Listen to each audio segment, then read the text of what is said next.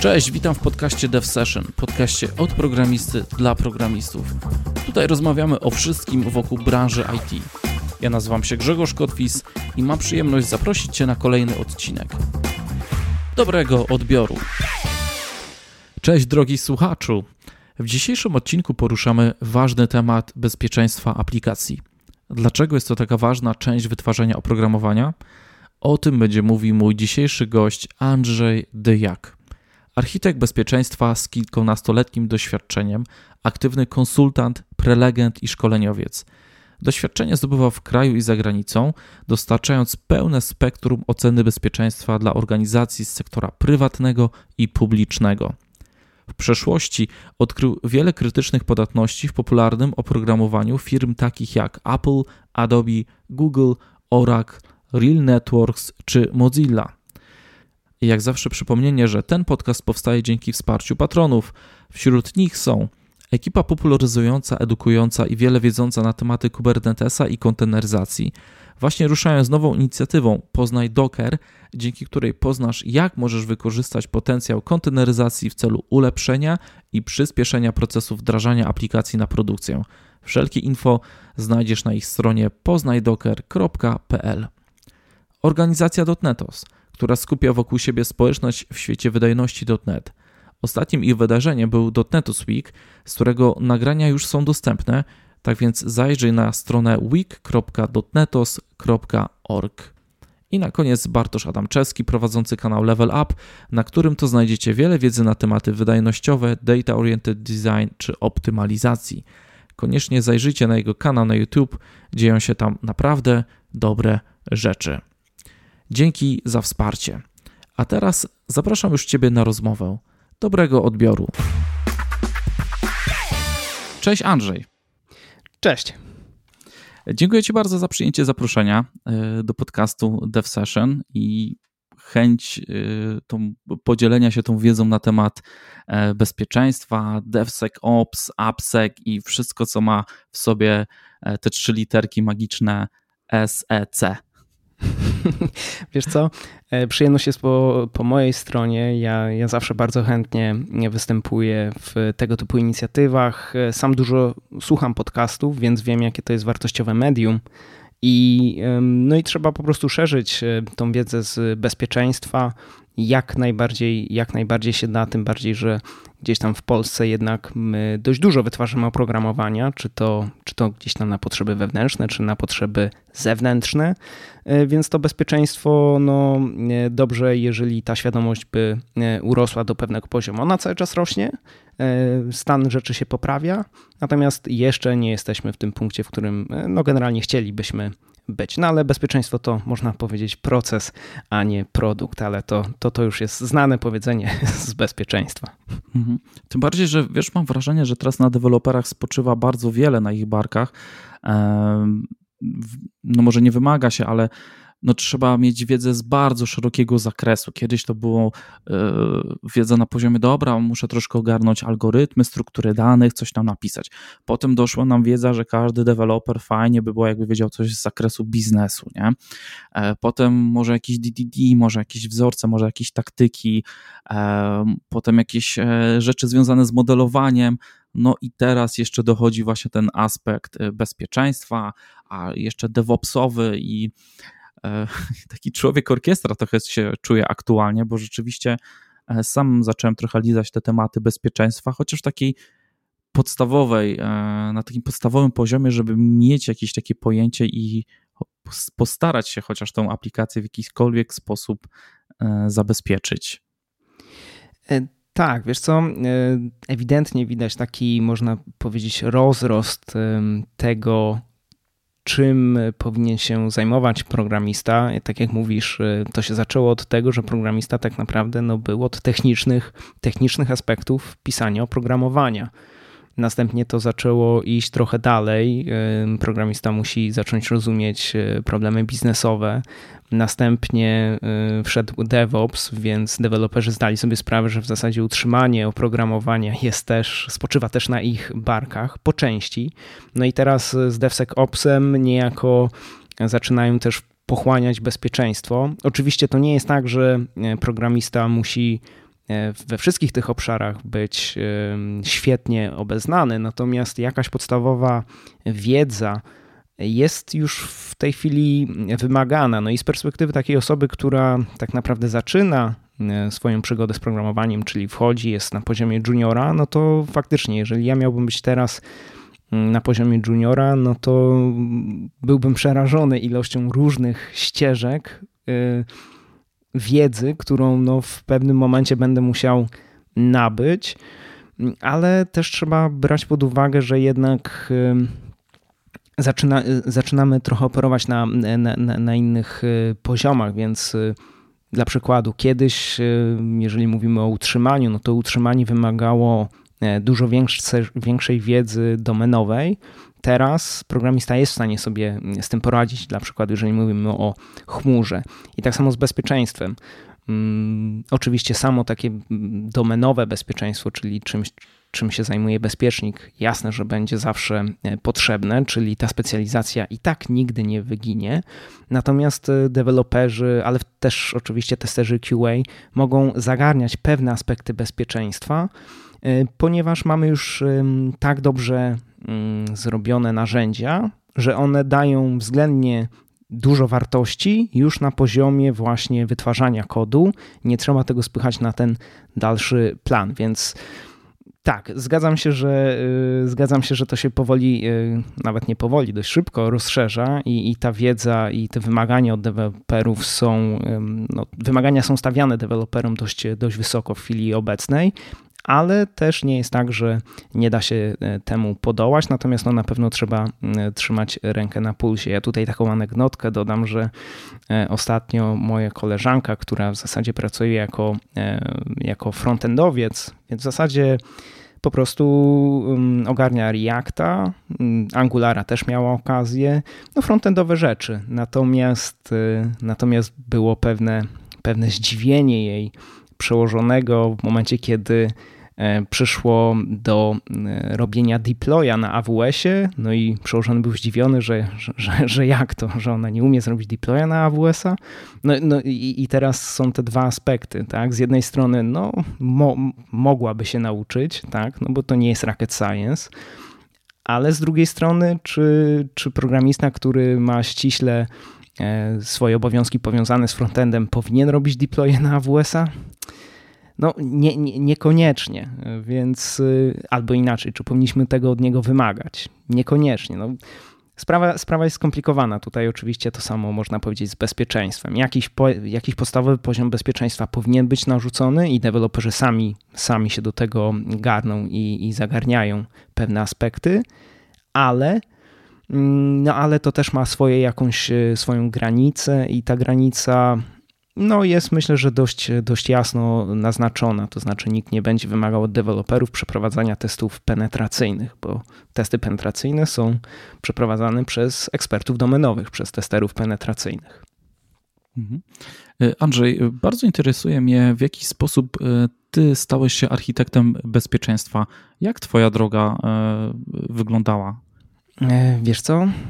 W zasadzie ja do w zasadzie moja droga jest trochę nietypowa, bo ja do bezpieczeństwa trafiłem od strony bezpieczeństwa. To znaczy, nie tak jak sporo ludzi, e, którzy trafiają albo przez administratorkę, albo w tej chwili przez e, programowanie. Tylko ja trafiłem do bezpieczeństwa, bo ja się po prostu zajmowałem e, bezpieczeństwem, szukałem podatności mm, i i w momencie, kiedy znalazłem taką podatność, to najczęściej dokonywałem jakiejś analizy, to się tak nazywa root cause analysis e, i pisałem exploity. No i exploity w chwili obecnej również można, ale kiedyś to w zasadzie był jedyny jakiś taki sposób na, na spieniężenie tych, e, tych, no, programów, bo jak to końcem końców jest program, no to można było mm, to sprzedawać za granicę do różnych programów, które takie mm, oprogramowanie skupowały. Dla przykładu Zero Day Initiative czy e, VCP od iDefense Teraz, jest, teraz tych, tych, programów jest trochę więcej i można powiedzieć, że powiązane z nimi są bug bounty. Więc myślę, że gdybym teraz wskakiwał do bezpieczeństwa, to po prostu bym uczestniczył w programach bug bounty. Więc ja wskoczyłem do bezpieczeństwa od, od tej strony, czyli szukałem podatności i, e, i sobie na boku gdzieś tam zarabiałem. I w pewnym momencie um, trafiłem do jednej firmy, na staż do, w UK jako, jako konsultant bezpieczeństwa. I w tamtym momencie ja jeszcze nie chciałem robić takich e, typowych testów e, penetracyjnych czy konsultingu. Dalej mnie interesował no, właśnie research and development, czyli szukanie tych podatności, pisanie exploitów, więc e, po odbytym stażu przeszedłem do innej firmy, która w zasadzie zajmowała się właśnie tym, czyli podatnościami. I, i tutaj, tutaj wyjechałem do Danii na rok z hakiem, a następnie wróciłem i pracowałem zdalnie dalej jeszcze w tym, w tym dziale Research and Development e, i, i pisaniu exploity, więc w zasadzie ta, można powiedzieć, e, podróż z niskopoziomowymi podatnościami i exploitami trwała no mniej więcej 5 lat, taka profesjonalna, że ktoś mi za to płacił. E, a następnie, i tutaj można powiedzieć, miałem taki trochę, mm, taki trochę zwrot akcji, bo Znowu wyjechałem do UK, ale, e, ale tym razem nie szukałem pracy w security, tylko e, postanowiłem e, popisać programy za pieniądze, czyli zostałem deweloperem, software engineerem. I przez kolejne półtora roku w zasadzie pisałem kod. Miałem okazję pisać kod na produkcji w PHP, w Pythonie, w Ruby on Rails. Najwięcej w Ruby on Rails i naj, najlepiej wspominam e, pisanie właśnie w Ruby on Rails, więc e, to, to jest technologia, która, która na zawsze pozostanie w moim serduszku. E, z, z, wielu powodów. Między innymi ma po prostu świetne community mm, i to chodzi mi mm, przede wszystkim community, które faktycznie zwraca uwagę na jakość wytwarzanego kodu i, i, i to widać, że faktycznie Railsowcy mają, mają takie można powiedzieć, e, taki, taki skręt e, wokół tej jakości, żeby, żeby ta jakość, żeby ten kod był dobrze napisany. Nie, nie tylko, żeby on działał, ale żeby on był dobrze napisany, żeby on miał zaimplementowane odpowiednie paterny. I potem półtora roku jako programista wróciłem do security. Wtedy już wskoczyłem jako security consultant, czyli przeprowadzałem pentesty, wróciłem do Polski, E, przez chwilę pracowałem e, właśnie jako typowy pentester, czyli przeprowadzałem testy penetracyjne w, w, różnego rodzaju instytucjach, czy to publicznych, czy prywatnych, e, z różnych branż. Natomiast w większości to było dla podmiotów z Polski. I następnie trafiłem do Centralnego Ośrodka Informatyki, to jest rządówka, jako właśnie architekt bezpieczeństwa. I no, więc można powiedzieć, że to był, e, to był moment e, dojścia do, do tego poziomu architekta. No, to było w roku 2018, więc można powiedzieć, że ta podróż to trwała 8 lat, więc też się nic nie wzięło z, z, z niczego, jakby tak można mhm. było powiedzieć. Jeszcze tutaj tylko napomnę, że tam e, w zasadzie pełniłem funkcję bardziej raczej takiego architekta, natomiast w chwili obecnej pełnię rolę architekta do spraw bezpieczeństwa procesu wytwórczego, czyli oczywiście ja też doradzam w kwestii tego, jak rozwiązywać pewne problemy projektowe przy systemach, natomiast głównie mnie interesuje, jak zapewniać bezpieczeństwo w procesie wytwórczym, czyli jakie narzędzia, jakie praktyki powinniśmy mieć w procesie wytwórczym, żeby na koniec dnia było jak najmniej tych podatności w wyjściowym kodzie, więc to jest podobne, ale to nie jest to samo, więc tutaj trzeba, trzeba to z mojej strony e, zaznaczyć. Czyli jeśli dobrze rozumiem, to przez większość e, tego czasu e, byłeś w tak zwanym Red Team, tak? To się nazywa? Dobrze kojarzę? Podatności i, i, takie pentesty to jest Red Team, bo Blue Team to jest chyba ci, co bronią, tak? tak, tylko tylko y, to red teaming i blue teaming i oczywiście same, na, y, same teamy, czyli blue team i red team, to, to trochę co innego, bo um, jeżeli wzięlibyśmy sposoby oceny podatności, czy y, sposoby oceny bezpieczeństwa systemu czy oprogramowania, to możemy wyróżnić kilka różnych sposobów, w jaki, e, w jaki sposób możemy oceniać bezpieczeństwo tych e, bytów, czy to właśnie jest system, czy to jest aplikacja. Przez system mam na myśli zbiór różnych aplikacji. I teraz Red Teaming jest takim najbardziej kompleksowym spojrzeniem na bezpieczeństwo, i w Red Teamingu też bierzemy pod uwagę nie tylko bezpieczeństwo IT, tylko też bezpieczeństwo um, ludzi, bezpieczeństwo procesów, e, czyli bierzemy całą organizację. Więc Red Teaming jest e, czymś, co w chwili obecnej zyskuje mocno na popularności i, i, i można tego bardzo dużo usłyszeć właśnie no, również w Polsce. Natomiast w moim odczuciu jest to trochę mm, jest to trochę na wyrost, w tym sensie, że z mojego doświadczenia organizacje mają jeszcze za dużo problemów, jeszcze nie są na tyle mm, rozwinięte, jeszcze nie są na tyle dojrzałe, e, żeby potrzebowały e, red teamingu, natomiast e, bardziej potrzebują albo oceny podatności, czyli po prostu znalezienia podatności i, i poprawnej oceny związanego ryzyka z tymi podatnościami, albo testów penetracyjnych, które są znowu czymś takim pomiędzy oceną podatności a red teamingiem. Więc to jeszcze nie jest red teaming, bo test penetracyjny skupia się tylko na IT, ale już to jest coś e, szerszego niż sama ocena podatności, bo w testach penetracyjnych faktycznie wykorzystujemy, eksploitujemy e, podatności, dostajemy się do systemu, wchodzimy, próbujemy skalować, próbujemy przechodzić z jednego systemu e, w głąb sieci, więc to, to jest test penetracyjny, ale nie bierzemy pod uwagę czynnika ludzkiego, nie bierzemy pod uwagę czynnika fizycznego, czyli na przykład obiektu, jak można do niego wejść. Takich rzeczy w testach penetracyjnych nie bierzemy, natomiast w red teamingu je już bierzemy. Więc ja miałem okazję uczestniczyć w pewnych aspektach ćwiczeń red teamingowych, bo tutaj też trzeba sobie jasno e, uwypuklić, że no red teaming e, nie jest przeprowadzany przez małą liczbę osób.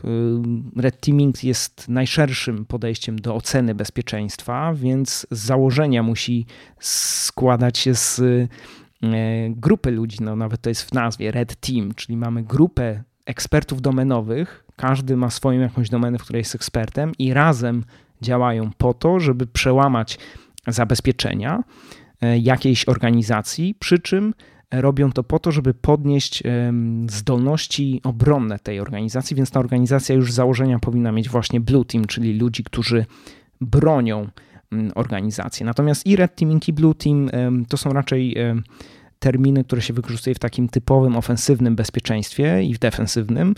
E, natomiast w bezpieczeństwie aplikacji nie do końca. Bezpieczeństwo aplikacji jest, można powiedzieć, takim osobnym, e, osobnym e, obszarem.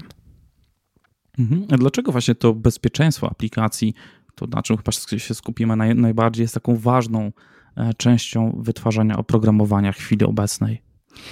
Wiesz co, no mm, tutaj e, odpowiedź jest dość e, prosta. No, jeżeli, jeżeli weźmiemy cokolwiek z, z, naszego życia, jakiekolwiek urządzenie, no w zasadzie cokolwiek robimy w życiu, no to cały czas wchodzimy w interakcję z, z jakimś oprogramowaniem. Wszystko, większość rzeczy, z których korzystamy, pod spodem mają jakiś program, e, czyli mają jakiś software, więc e, no to bezpieczeństwo tego software'u no niejako wpływa na naszą jakość, e, jakość życia. Jeszcze teraz, teraz oczywiście biorąc pod uwagę Internet of Things, to jest jeszcze bardziej jeszcze bardziej zwiększone, tak? bo jeżeli wszystko jest w internecie, jeżeli możemy spotkać w internecie naszą lodówkę, no to chcielibyśmy, żeby ona była e, bezpieczna, żeby ktoś nie mógł e, mówić naszej lodówce, co ona powinna zrobić. Więc e, to bezpieczeństwo aplikacji jest po prostu ważne, bo aplikacje są w chwili obecnej wszędzie i jest to też widoczne właśnie od strony biznesu. Biznes też widzi, że, że bezpieczeństwo już nie jest czymś takim, co fajnie byłoby mieć przy okazji, tylko jest czymś, co no po prostu musimy mieć. Już jest to kalkulowane w, w koszty wytwarzania, że ok, wytwarzamy aplikację, w jakimś zakresie musimy się zająć jej bezpieczeństwem, w jakimś zakresie musimy zrobić, e, żeby ona była e, po prostu żeby miała jakiś poziom bezpieczeństwa, no bo oczywiście nigdy nic nie jest w 100% bezpieczne, ale my chcemy dążyć do tego, żeby żeby ta poprzeczka nie była zbyt, e, zbyt nisko. No i oczywiście są różnego rodzaju dyrektywy, które na nas to wymuszają, chociażby Myślę, że każdy słyszał o RODO, czyli GDPR e, odnośnie danych osobowych, więc każdy system, który przetwarza dane osobowe, ma już narzucone pewne, pewne ramy, wokół których musi się zamknąć. Być może nie każdy słyszał, ale równie ważna e, ustawa o cyberbezpieczeństwie infrastruktury krytycznej, co u nas e, w Polsce też ona już obowiązuje, czyli ona już weszła, natomiast sama dyrektywa w, w Unii była dużo wcześniej, tak samo jak z GDPR. i może nie każdy wie, co to jest infrastruktura krytyczna. Infrastruktura krytyczna to e, w ustawie jest jasno opisane, co to jest, natomiast na chłopski rozum jest to wszystko, co jest krytyczne dla działania kraju, czyli dla przykładu wodociągi, czyli dla przykładu sieć energetyczna, czyli dla przykładu kolej lotniska. To są wszystkie te rzeczy, które są krytyczne dla e, działania kraju, żeby, żeby wszystko było ok i żeby to działało. My o tym nie myślimy w takim e, życiu codziennym, nie myślimy o dostarczaniu wody, nie myślimy o dostarczaniu prądu. To dla nas po prostu jest, jest to dla nas naturalne, no ale końcem końców ktoś, ktoś to robi, ktoś to, ktoś to musi zabezpieczyć. To są E, systemy, które też działają e, po prostu na oprogramowaniu. E, one oczywiście nie są wpięte, a przynajmniej w dużym zakresie nie są od tak wpięte do publicznej sieci internet, natomiast gdzieś tam te ruchy, żeby był, był taki dostęp, no zawsze się pojawiają, no bo to jest, można powiedzieć, wygoda. Jeżeli ja jako jako konserwator jestem w stanie się dostać zdalnie gdzieś, no to mi to, mi to bardziej odpowiada niż jeżeli ja muszę jechać. Więc to jest infrastruktura krytyczna i, i oczywiście też mamy już odpowiednie dyrektywy, więc bezpieczeństwo w tym zakresie mm, też już e, musi być zapewniane. No a końcem końców to też jest e, software, więc Tutaj, tutaj możemy wrócić do tego poprzedniego wątku, gdzie mieliśmy właśnie takie cyberbezpieczeństwo i bezpieczeństwo aplikacji. Więc jeżeli byśmy popatrzyli na dla przykładu mamy taką stację przekaźnikową e, prądu, no to ona ma po pierwsze jakiś software, czyli ma jakieś aplikacje, więc załóżmy sobie, że te aplikacje powinny być e, bezpieczne. Natomiast idąc dalej, od strony właśnie takiego cyberbezpieczeństwa, takiego red teamingu, no to ta sama stacja też powinna być zabezpieczona, czyli powinien być odpowiedni dostęp ludzi do tej stacji i, i wszystkie tego typu rzeczy, które już rzutują bardziej na takie faktyczne, realne implikacje w życiu. Żeby, no, żeby nie każdy mógł sobie wejść, żeby nie każdy mógł się dostać do, tego, do tej konsoli, żeby nie każdy mógł przy tym sobie y, coś tam coś tam e, robić. Mm, tak, wspomniane RODO przez ciebie właśnie chyba dużo zmieniło w tej kwestii, w sensie, że nawet taki zwykły Kowalski zaczął gdzieś e, e, słyszeć, dostrzegać takie właśnie słowo jak bezpieczeństwo aplikacji, wyciek danych, co to dla niego oznacza, no i też te wszystkie takie akcje, gdzie ktoś tam płaci grube miliony właśnie za to, że wyciekła baza klientów z danymi E, która, która no nie powinna się najzwyczajniej e, znaleźć w internecie, że to rzeczywiście zwróciło naszą jakąś taką uwagę, plus wszystkie te takie czynniki ludzkie, e, te phishingi, takie różne kradzieże na SMS-y, to może nie jest konkretnie związane z jakimś tam mm, z jakimiś aplikacjami, które my programiści przygotowujemy, ale to też w pewien sposób pokazuje, że ja jako twórca mogę kiedyś paść e, ofiarą. Mój produkt może być użyty właśnie w niecnym celu, ktoś się może podszywać i próbować poprzez jego popularność e, właśnie wyłudzać e, pewne informacje, dane czy po prostu kasę. Tak, oczywiście. To, to jest właśnie typowe spojrzenie na, na, można powiedzieć, modelowanie zagrożeń, więc jeżeli mamy jakiś model zagrożeń, mamy jakiś model ryzyka dla naszych systemów, dla naszych aplikacji, to jesteśmy w stanie przynajmniej próbować przewidywać, jak, jak, jak cyberprzestępcy mogliby próbować wykorzystać naszą aplikację, żeby, żeby coś tam właśnie osiągnąć. Bo często jest tak, że to nie jest, to jest taka gra w kotka i myszkę. Atakujący się uczą, jak atakować, jak już coś nie działa, bo to zabezpieczymy no to, no to oni przerzucają się na inny sposób e, atakowania, bo też trzeba na to patrzeć, że cyberprzestępcy patrzą na to jak na biznes, więc e, jak w każdym biznesie chcą się jak najmniej narobić, jak najwięcej zarobić, więc też nikt nie będzie próbował jakichś zaawansowanych ataków, jeżeli, jeżeli wystarczy wysłać e-maila i poprosić o kliknięcie e, w link, taki typowy atak phishingowy. E, natomiast e, oczywiście my, jako gdzieś tam twórcy naszych systemów, powinniśmy mieć to też na uwadze i w dużej mierze z mojego doświadczenia często ludzie, często firmy i deweloperzy, ludzie w tych firmach gdzieś tam o tym myślą, tylko nie zawsze nie zawsze występuje takie pełne zrozumienie na poziomie właśnie mm, na linii technicznej i biznesowej, typu ludzie coś tam y, techniczni przewidują, tylko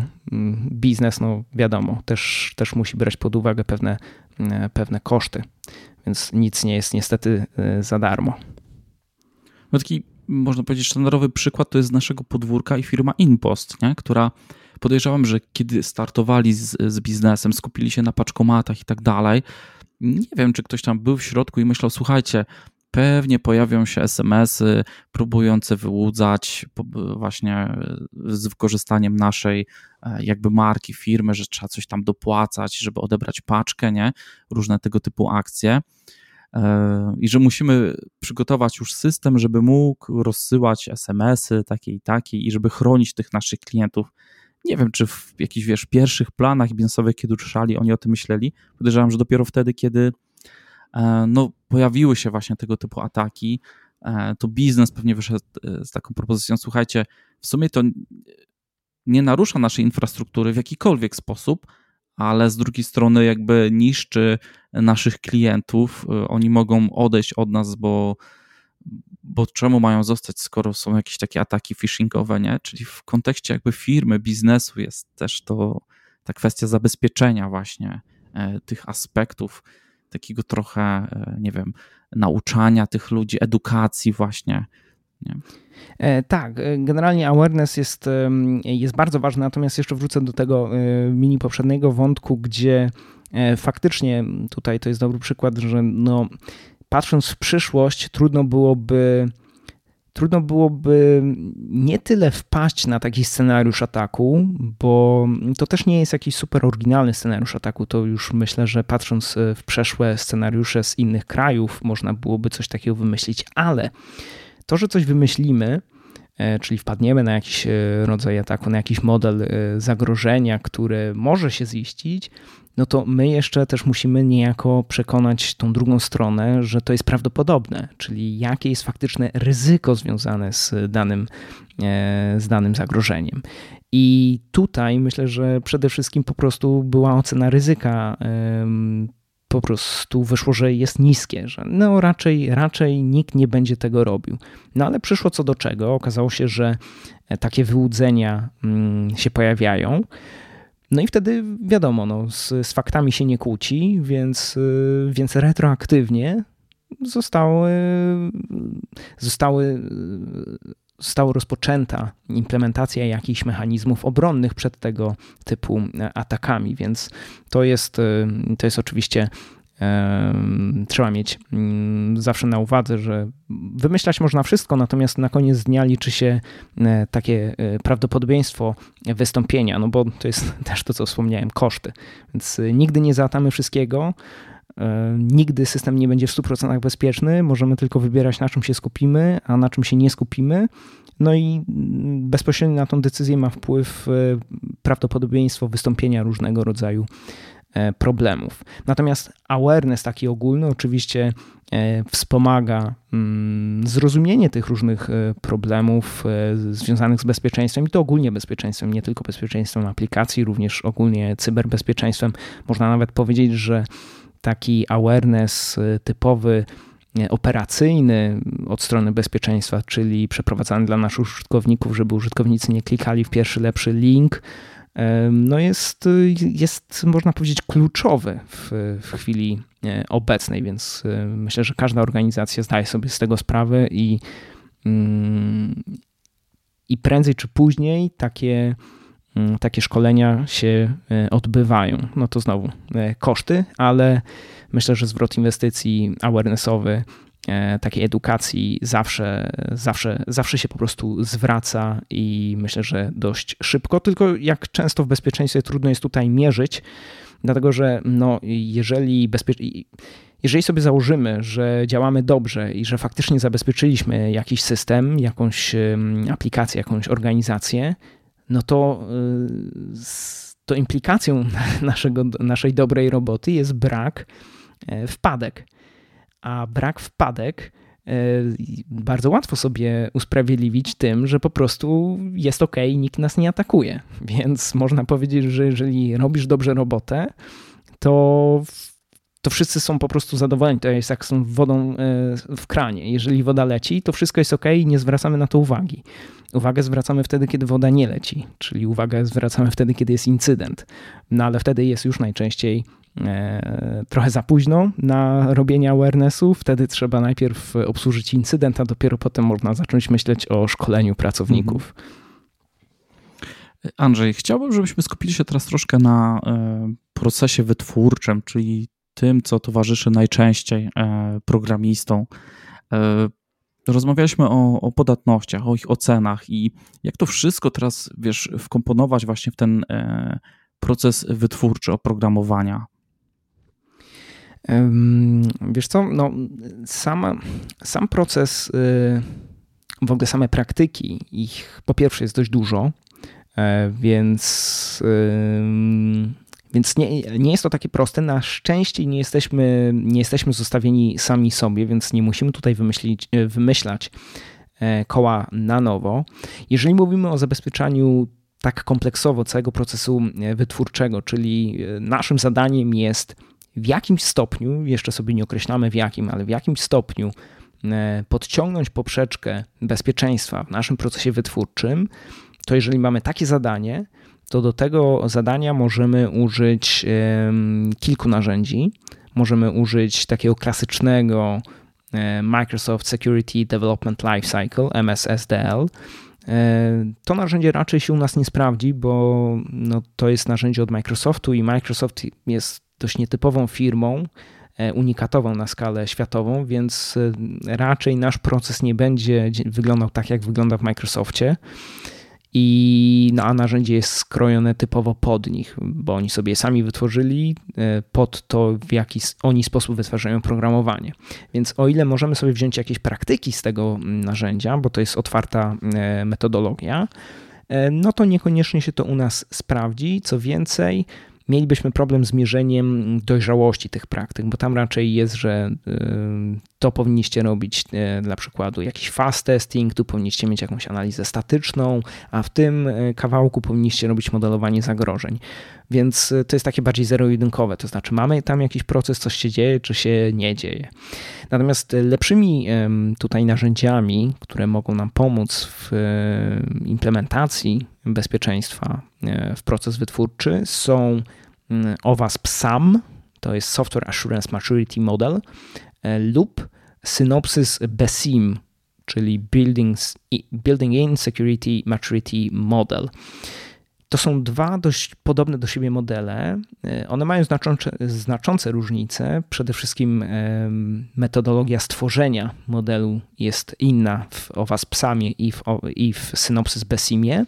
Natomiast jeden i drugi jest modelem dojrzałości, czyli pozwala nam na określanie ocen, na ocenianie odpowiednich praktyk w naszym procesie wytwórczym związanych z bezpieczeństwem, które końcem końców mają nam zapewnić jakiś poziom bezpieczeństwa, więc to jest ważne, dlatego że jeżeli możemy oceniać, oceniać sobie nasze praktyki, no to jesteśmy w stanie mierzyć progres w czasie.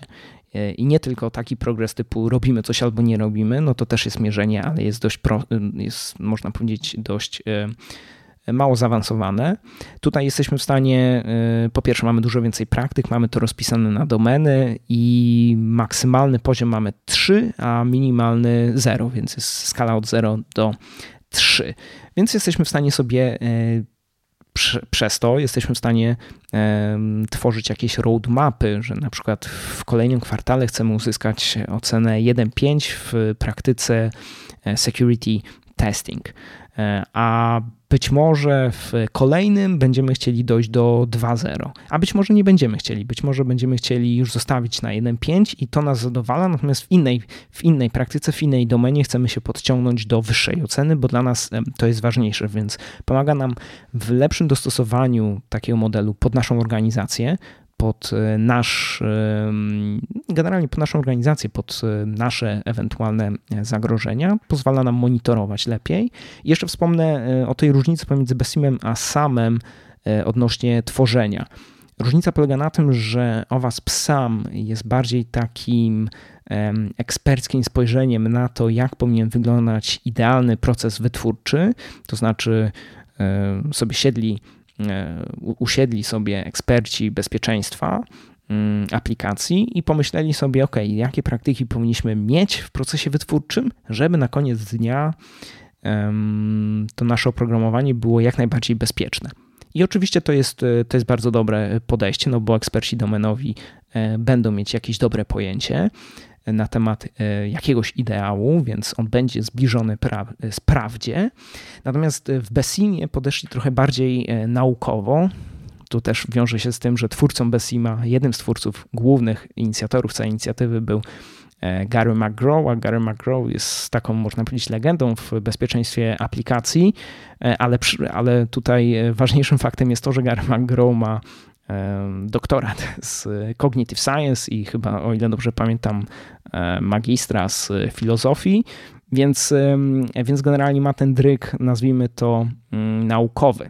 I Besim przez to ma trochę bardziej naukowe podejście, w tym sensie, że oni po prostu zebrali dane z różnych organizacji z całego świata i mając te dane, czyli mając dane na temat praktyk, które się dzieją po to, żeby zabezpieczać oprogramowanie w tych firmach, wyróżnili sobie te najczęstsze praktyki idąc, kierując się, mm, kierując się zasadą, że no jeżeli e, jakąś praktykę robi 90 ze 100 firm, no to coś w tej praktyce musi być. To faktycznie jakiś zwrot z tej inwestycji musi być, e, no bo robi aż 90 firm ze 100, tak? A jeżeli jakąś praktykę robi powiedzmy tylko 5, no to być może ta praktyka nie jest do końca, e, nie daje do końca dobrej stopy zwrotu, lub oczywiście, a może albo, a nie lub, E, albo ta praktyka jest jeszcze, można powiedzieć, jest bardzo świeża, więc inni jeszcze nawet nie zdążyli e, nie zdążyli się do niej dostosować.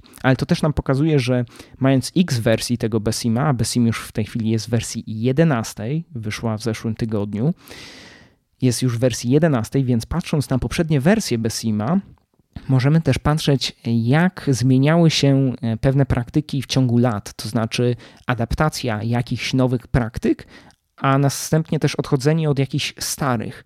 Więc to też jest ciekawe, ciekawe, ciekawa informacja, patrząc, że mamy na przykład analizę statyczną i teraz, ok, kiedy ona się pojawiła, e, jak wzrastała, na jakim poziomie była 5 lat temu, a na jakim poziomie jest teraz. To są, to są ciekawe rzeczy, no ale one oczywiście są bardziej dla, e, dla ludzi takich jak ja, czyli e, ekspertów domenowych w bezpieczeństwie aplikacji.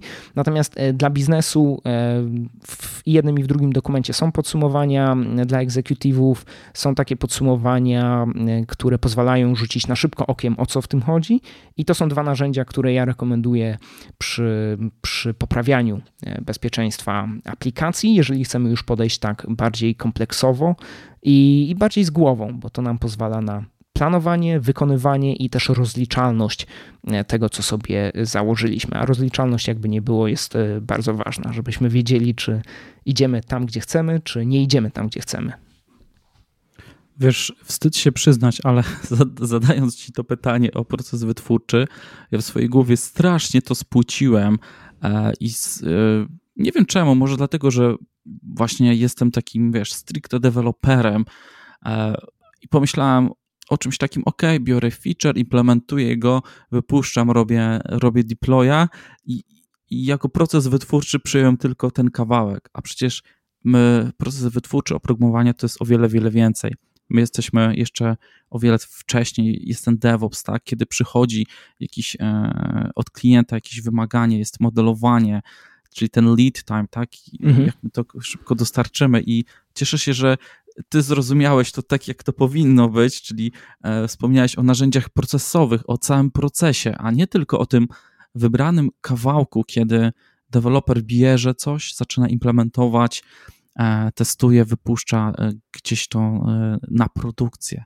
Tylko te narzędzia wspomniane to jest o wiele, wiele więcej, bo też chciałbym właśnie przez ten odcinek, żeby do, do słuchaczy dotarło, że ten, ten DevOps, czy nawet ten DevSecOps, który pewnie zaraz rozwiniemy, żeby to nie spłycać do czegoś takiego, że mamy nasz kod źródłowy, dorzucę kilka analizatorów, jakieś dwa skanery i w sumie na tym moje, e, to, ten, ten sec e, się kończy w tym DevSec, w tym, w tym DevOpsie, nie?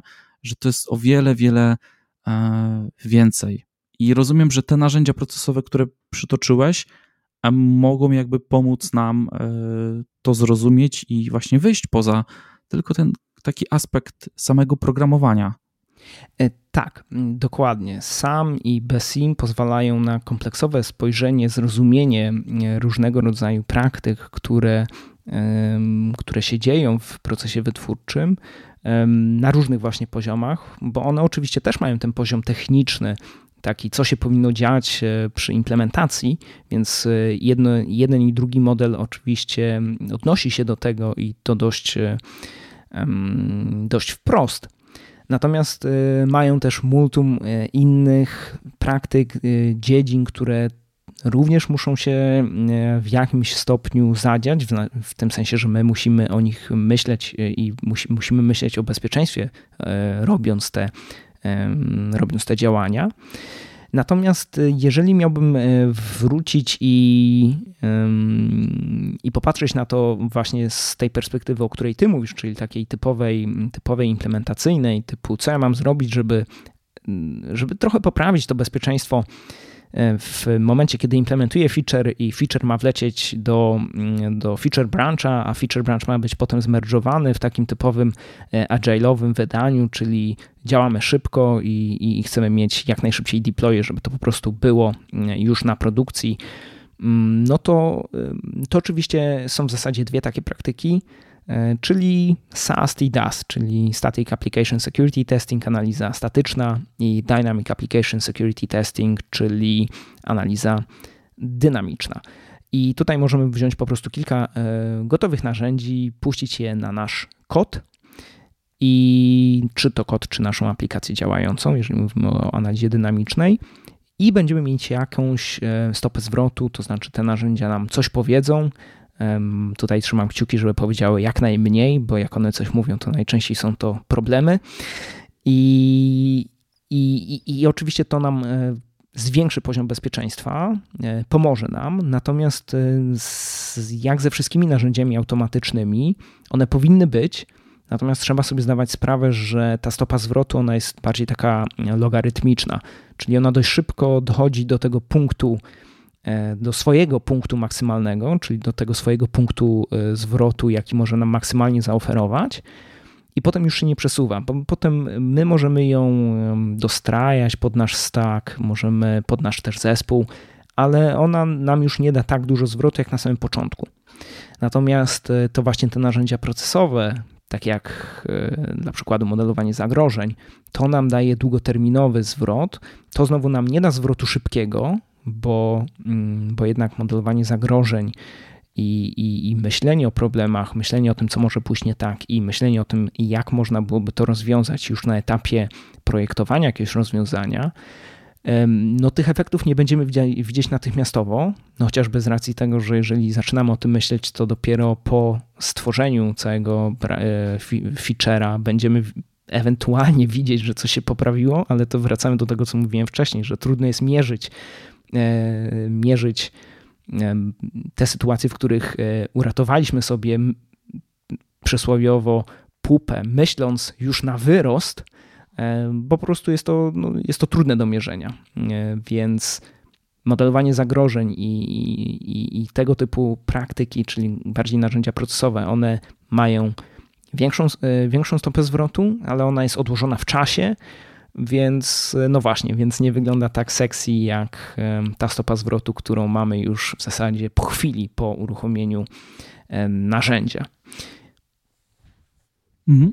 Wiesz co, y, rozwijmy ten wątek modelowania e, zagrożeń. E, czy możemy go na przykład wziąć teraz jakiś taki e, use case bardzo standardowy, czyli moja aplikacja będzie, nie wiem, przechowywała zamówienia. Załóżmy, że jesteśmy w jakimś tam e-commerce, teraz takiej domenie, mhm. nie? I teraz e, przychodzi um, taki request, no, trzeba coś takiego zrobić, będziemy przechowywać zamówienia klientów.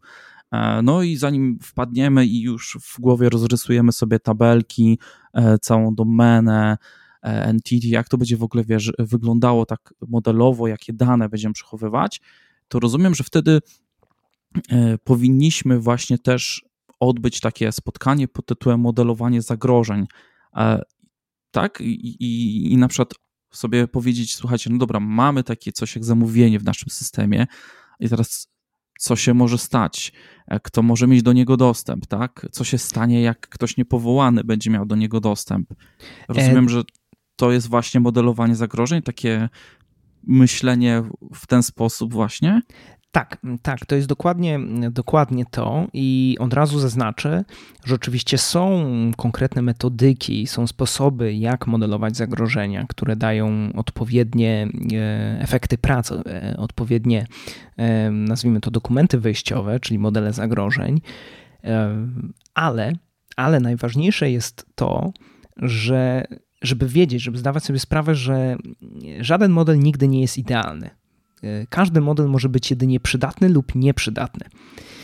I lepiej, lepiej się spotkać i pomyśleć o ewentualnych zagrożeniach, o jakichś problemach z bezpieczeństwem, z prywatnością, co też jest odnogą bezpieczeństwa, e, i po prostu sobie pomyśleć o tym, porozmawiać e, z, z deweloperami, nawet gdyby to miało trwać 10 e, minut i nawet gdybyśmy nie mieli mieć z tego żadnych e, efektów takich wyjściowych w postaci żadnych diagramów i zagrożeń, tylko samo to, że porozmawialiśmy o tym, to już da nam jakąś wartość.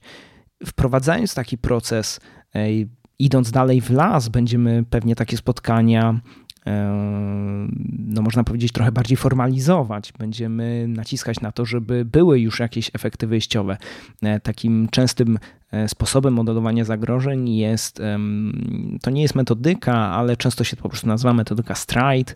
E, ona była właśnie stworzona w Microsoftie przy, przy właśnie pracach nad ich SDL-em i Stride to jest, to jest akronim od spoofing, tampering, repudiation, information disclosure, e, denial of service i elevation of privilege, czyli to jest taki zestaw e, różnych e, nawet nie tyle klas, ale powiedzmy ataków, które można wykonać na naszą aplikację, czyli my z perspektywy deweloperów nie chcielibyśmy, żeby one się zadziały, albo przynajmniej, żeby one nie były łatwe do wykonania.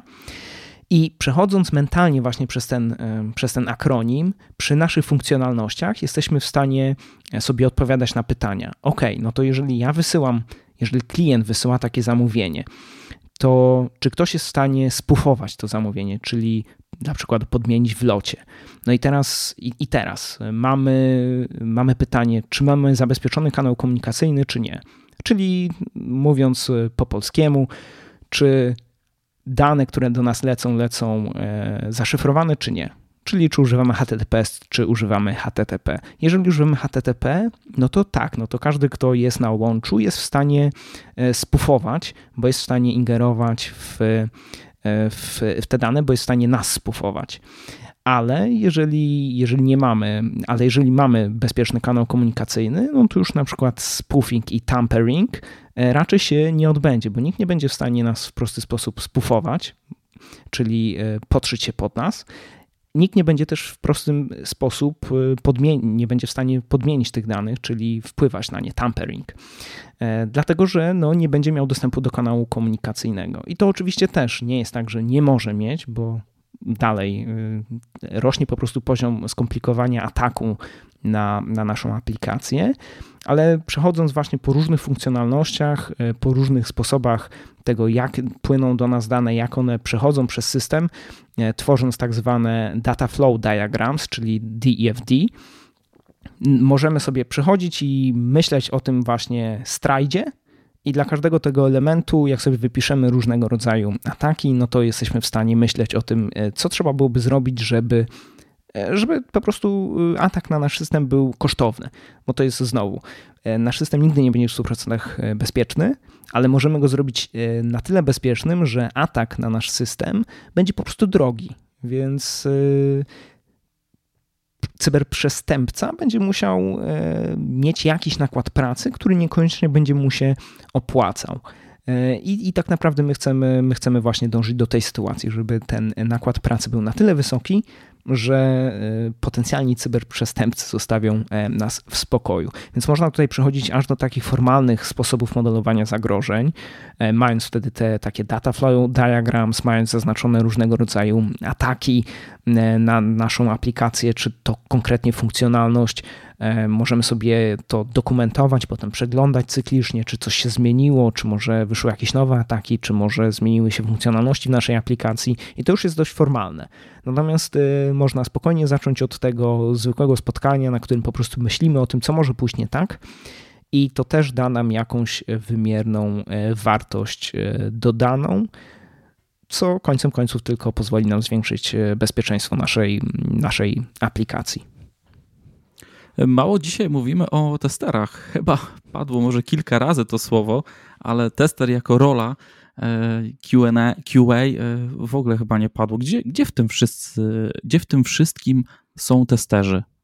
Wiesz co, e, testerzy w zasadzie tutaj są można powiedzieć, w takiej wzrastającej roli, dlatego że mm, spora część, e, spora część praktyk bezpieczeństwa, spora część testowania bezpieczeństwa aplikacji systemów nie wymaga tak naprawdę głębokiej wiedzy domenowej, jeżeli mówimy o ocenie podatności systemu aplikacji. A trzeba też jasno uwypuklić, że e, większą wartość dla aplikacji ma ocena podatności, która polega na znalezieniu jak największej ilości e, problemów bezpieczeństwa i wyprowadzeniu tych, na którym nam zależy, niż e, test penetracyjny czy red teaming. Test penetracyjny i red teaming to są e, praktyki, które owszem, mają, mają dobrą stopę zwrotu, ale one nie mają tak dużej stopy zwrotu, jak ma ocena podatności w procesie wytwórczym. Bo ja teraz mówię o procesie wytwórczym konkretnie. Też one są w innym punkcie, one są na samym końcu, natomiast ocena podatności jest bliżej, e, bliżej tego wszystkiego, bliżej środka procesu wytwórczego, więc też e, jest bliżej tej pętli, w której jesteśmy w stanie to jeszcze dość szybko w tani sposób wyprowadzić z systemu.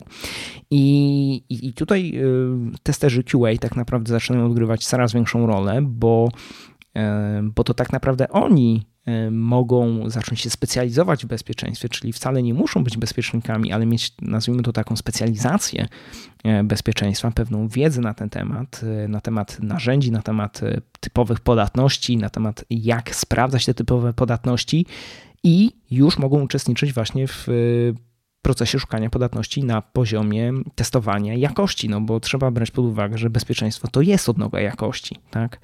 E, I, I, ja myślę, że sporo osób na to nie lubi tak patrzeć, szczególnie bezpieczników. E, występuje pewna taka, e, nazwijmy to, gloryfikacja bezpieczeństwa, a końcem końców w procesie wytwórczym bezpieczeństwo to jest tylko odnoga jakości. Jeżeli mamy dobrze zrobiony system, jeżeli on jest faktycznie dobrze wytworzony, to on będzie miał odpowiednie kontrole bezpieczeństwa, bo każdy dobrze wytworzony system dobrej jakości jest względnie bezpieczny. Przynajmniej było o tym pomyślane.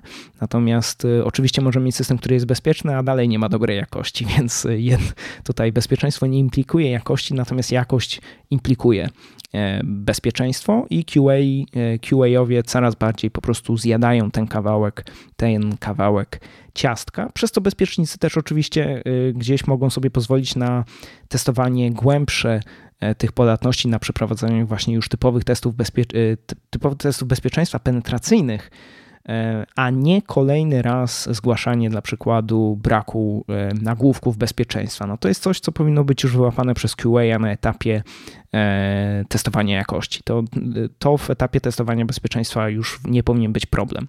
I tutaj, jeżeli mówimy mm, o jakichś narzędziach procesowych, które mógłbym polecić. Właśnie QA, to jest takie znane narzędzie, mianowicie mm, OWASP e, Web Security Testing Guides, to się skraca do WSTG i WSTG to są takie mm, poradniki, jak testować e, typowe problemy bezpieczeństwa i WSTG jest połączone z takim standardem Application Security Verification Standard, który z kolei jest dla deweloperów.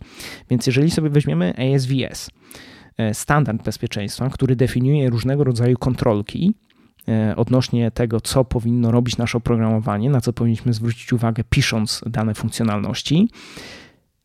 To mamy też właśnie e, pokrewny dokument WSTG, czyli Web Security Testing Guides dla testerów, w którym jest opisane, jak testować te kontrolki. Więc w jednym dokumencie mamy, powinieneś walidować e, input na wejściu, i to jest e, kontrolka, że ok, powinieneś to sprawdzić, powinieneś tutaj być pewien, że to robisz. A w drugim dokumencie mamy, jak przetestować, czy to faktycznie jest robione. Więc mamy już taki dokument mm, dla testera, który może sobie to przeczytać i no niejako za rączkę będzie poprowadzony, pokazane będzie mu, jak może to przetestować w aplikacji, którą testuje. Więc y, QA spokojnie mogą e, tutaj jako pierwszą linię po prostu przeczytać sobie ten dokument i myślę, że zyskają bardzo dużo e, wiedzy na temat e, typowych praktyk testowania bezpieczeństwa aplikacji. Zastanawiam się, wiesz, Andrzej, bo mówiłeś sam o, tym, o tych programach Bug Bounty i duzi gracze e, są, e, mogą sobie pozwolić na takie programy, ale czy to nie jest też tak trochę, że przerzucają gdzieś, gdzieś, gdzieś na zewnątrz właśnie tą, tą odpowiedzialność za to testowanie. Oczywiście pewnie te podstawowe rzeczy, o których wspomniałeś, właśnie walidacja kontrolek, takie najprostsze rzeczy, najbardziej powszechne są weryfikowane, a bug bounty to są już pewnie bardziej jakieś zaawansowane scenariusze, E, no i tak mm, nie, nie wiem właśnie dlaczego też się decydują te firmy na takie programy bug bounty właśnie. To jest biznes czysty, czy, czy dostęp do ludzi, wiesz, o, o, o, innej wiedzy, wiesz, takich bardziej sfokusowanych na coś konkretnego, żeby rozwalić im apkę? Z perspektywy biznesowej jest to świetny deal. E, tutaj nie do końca jest tak, jak, tak jak powiedziałeś odnośnie mm, nazwijmy to outsourcingu, e, w tym sensie, że jeżeli firma decyduje się na bug bounty, to i tak musi mieć swoje własne moce przerobowe wewnątrz organizacji na weryfikację tych raportów. Czyli ta firma już z założenia i tak stoi na dość dobrym poziomie bezpieczeństwa, bo przynajmniej ma wewnętrzną jednostkę bezpieczeństwa, która zajmuje się bezpieczeństwem. Ogólnie to może być bezpieczeństwo aplikacji, bezpieczeństwo infrastruktury, organizacji. Generalnie e, ma jakieś wakaty, które spełniają daną funkcjonalność odnośnie bezpieczeństwa w ramach organizacji. Więc e, to niejako to jest pewien, e, pewne założenie, że takie firmy już to mają. Ale z perspektywy biznesowej na pewno taniej jest stworzyć taki program Bug Bounty i, mm, I nawet biorąc pod uwagę ten koszt weryfikacji tych raportów, których może być tak naprawdę bardzo dużo, e, które, tak, które nic nie wnoszą, zabierają tylko nam czas, ale raz na jakiś raz, y, no raz powiedzmy e, przy pełni księżyca zdarza się taki raport, który pozwala nam na odkrycie takiego ataku, który faktycznie nam obniża e, nasze ryzyko, czyli faktycznie dla nas jako organizacji jest bardzo, bardzo ciekawy a końcem końców my za niego płacimy e, bardzo mało, e, relatywnie. No bo jeżeli musielibyśmy mieć, e, powiedzmy, nasz wewnętrzny zespół i wziąć jakiegoś bezpiecznika i on miałby poświęcić trzy miesiące na eksploitowanie jakiejś dziwnej podatności w połączeniu z pięcioma innymi podatnościami, no to my mu przez te trzy miesiące musimy płacić jakąś, jakąś stawkę. Natomiast tutaj tak naprawdę płacimy fixed price, i często ten fixed price wcale nie jest taki duży, jeżeli się to e, weźmie pod uwagę właśnie nakład e, czasowy, więc z perspektywy biznesu jest to bardzo opłacalne. E, z perspektywy osoby, która bierze udział w Bug Bounty, w chwili obecnej ja się skłaniam ku ocenie, że raczej nie jest to opłacalne. Ma to typową taką dystrybucję, gdzie większość, większość pieniędzy, większość nagród idzie do bardzo małej ilości ludzi, którzy są na samej górze tych bug bounty, którzy są powiedzmy w top 10, a reszta żyje na tym małym procencie, czyli 80%, a nawet więcej, ale dajmy to przysłowiowe, 80% idzie do 20%, a 20% idzie do 80%, 20% nagród idzie do 80%, czyli e, opłaca się być takim bug, e, bug hunterem, ale tylko w momencie, kiedy jesteś w samym topie. E, bo jeżeli nie jesteś w topie, to ci się nie opłaca. W sensie, jeżeli podliczysz czas, który poświęcasz na szukanie i eksploitowanie e, podatności, to wyjdziesz na, nie wyjdziesz nawet na zero, wy, wy, wyjdziesz, na, wyjdziesz na minus. E, więc z perspektywy po prostu organizacji jest to opłacalne. Jest to opłacalne, plus do tego ma się dostęp do dużo szerszego basenu talentów, jak to się po angielsku mówi, talent pool, więc jeżeli ja sobie zrobię takie bug bounty na platformie, dla przykładu HackerOne, największej platformie bug bounty na świecie, no to ja mam dostęp do wszystkich backhunterów z całego świata. Więc jest to nieporównywalnie większy, większy E, basen talentów e, niż mój lokalny rynek. Przez lokalny mam na myśli nawet na poziomie kraju, więc e, po prostu ja zwiększam, jako organizacja zwiększam sobie po pierwsze dostęp do najlepszego rodzaju graczy, a po drugie końcem końców w długim terminie obniżam koszty znalezienia te, takich podatności, więc na organizację jest to bardzo opłacalne. Dla backhunterów dla bankaterów to zależy. Mhm. E, Andrzej, na koniec naszej rozmowy, jak byśmy mogli, tak wiesz, w kilku e, zdaniach podsumować e, bezpieczeństwo aplikacji i dlaczego to jest taka ważna część oprogramowania? Tak jakby wiesz, ktoś by miał wejść do pokoju szefa i powiedzieć: Słuchaj, bezpieczeństwo aplikacji jest ważne, bo. OK, bezpieczeństwo aplikacji jest ważne ponieważ e, no jeżeli my wytwarzamy oprogramowanie, to tak naprawdę większość ryzyka które, operacyjnego, które jest na nas e, sprowadzane, no jest związane bezpośrednio z wytwarzaniem aplikacji, czyli jeżeli jesteśmy tak naprawdę independent software vendor, no to większość praktyk bezpieczeństwa, albo inaczej większość ryzyk, które na nas czyhają, są związane z naszym procesem wytwórczym. E, większość też ryzyk dla naszych klientów jest związany również z nami. To znaczy, my e, to my gdzieś tam wpływamy na ryzyko naszych klientów, jeżeli my wytwarzamy dla nich software, bo my im dostarczamy oprogramowanie. A oprogramowanie, aplikacje generalnie są najczęściej pierwszą, pierwszym takim krokiem do wejścia e, do infrastruktury. No wiadomo, że dalej mogą być jakieś e, również takie typowe błędy infrastrukturalne, gdzieś coś jest nieodpowiednio skonfigurowane, ale tego się już w tej chwili widzi trochę mniej. Natomiast aplikacje są takim number one sposobem wejścia do firmy, czyli generalnie jakieś podatności w aplikacjach. Natomiast jeżeli my nie wytwarzamy software'u, czyli jeżeli mamy firmę, która po prostu korzysta z jakiegoś software'u, nie wiem, no korzystamy z mm, z Office 365, jesteśmy jakąś małą firmą, która świadczy usługi doradcze. O, powiedzmy, jesteśmy kancelarią prawniczą, e, czyli mała firma, która świadczy usługi doradcze e, odnośnie prawa. E, no to bezpieczeństwo aplikacji tutaj w tym zakresie nie jest tak ważne. Tutaj jest ważniejsze po prostu ogólne bezpieczeństwo, takie organizacji, które w pewnym zakresie y, jest zamknięte w bezpieczeństwie aplikacji, no bo musimy mieć odpowiednio skonfigurowanego tego Office 365 i odpowiednio skonfigurowane aplikacje na naszych urządzeniach, ale to już jest raczej typowa konfiguracja, czyli raczej nie wytwarzanie, e, a konfiguracja, więc można powiedzieć, że jest to powiązane, ale jednak jest to trochę inna bajka. Więc tutaj ten główny wątek o bezpieczeństwie aplikacji jest jednak aplikowalny do podmiotów, które wytwarzają kod. No i wtedy jest to ważne, dlatego że E, ma to największy wpływ na ryzyko nasze i naszych klientów, a jeżeli nam się dobrze uda e, nazwijmy to, ubrać to w słowa i stworzyć pewnego rodzaju e, historię, no to jasne, że jako taki vendor jesteśmy w stanie sprzedawać nasz software jako E, bezpieczniejszy niż konkurencji, więc jest to też atut nasz na tle e, konkurencji.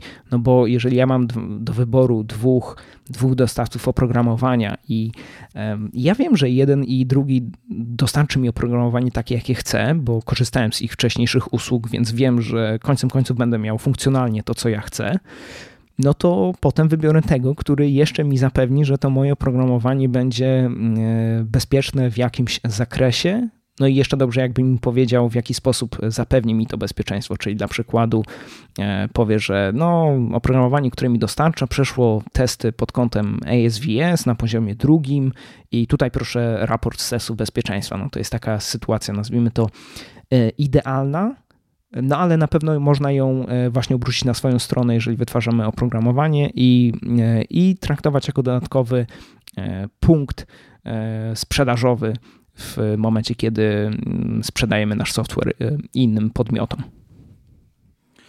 Drodzy słuchacze, więc jak słyszycie, warto dbać o bezpieczeństwo aplikacji na każdym etapie wytwarzania programowania. Na etapie modelowania, implementacji, czy to awareness, świadomości. E, ma to e, impact na, na wasz e, biznes, na wasze produkty. Będzie po prostu zdecydowanie lepiej. Także dziękujemy bardzo za wysłuchanie tej rozmowy do samego końca. Notatki będą jak zawsze na stronie devsession.pl, a w notatkach znajdziecie kilka przydatnych linków, które mój gość podrzucił, więc warto tam zajrzeć. Również będą gość linki do profili Andrzeja w social mediach. Andrzej prowadzi blog, newsletter, e, jest również podcast Cyberiada, e, który prowadzi, więc jeśli chcecie więcej e, dowiedzieć się na temat tego AppSec, wszystkiego co związanego z bezpieczeństwem, to odsyłam Was właśnie do, do Andrzeja. Tam na pewno będzie bardziej mięśnie i, i, i będziecie mogli więcej wyciągnąć. E, z tego tematu. Andrzej, dziękuję Ci bardzo za rozmowę i za podzielenie się tą wiedzą i doświadczeniem. Dzięki bardzo. Tak jak powiedziałem, przyjemność e, cała po mojej stronie. E, dziękujemy i życzymy Wam miłego dnia, weekendu, jakkolwiek, a może nocy, bo może odsłuchujecie to późnym wieczorem i do usłyszenia następnym razem. Cześć!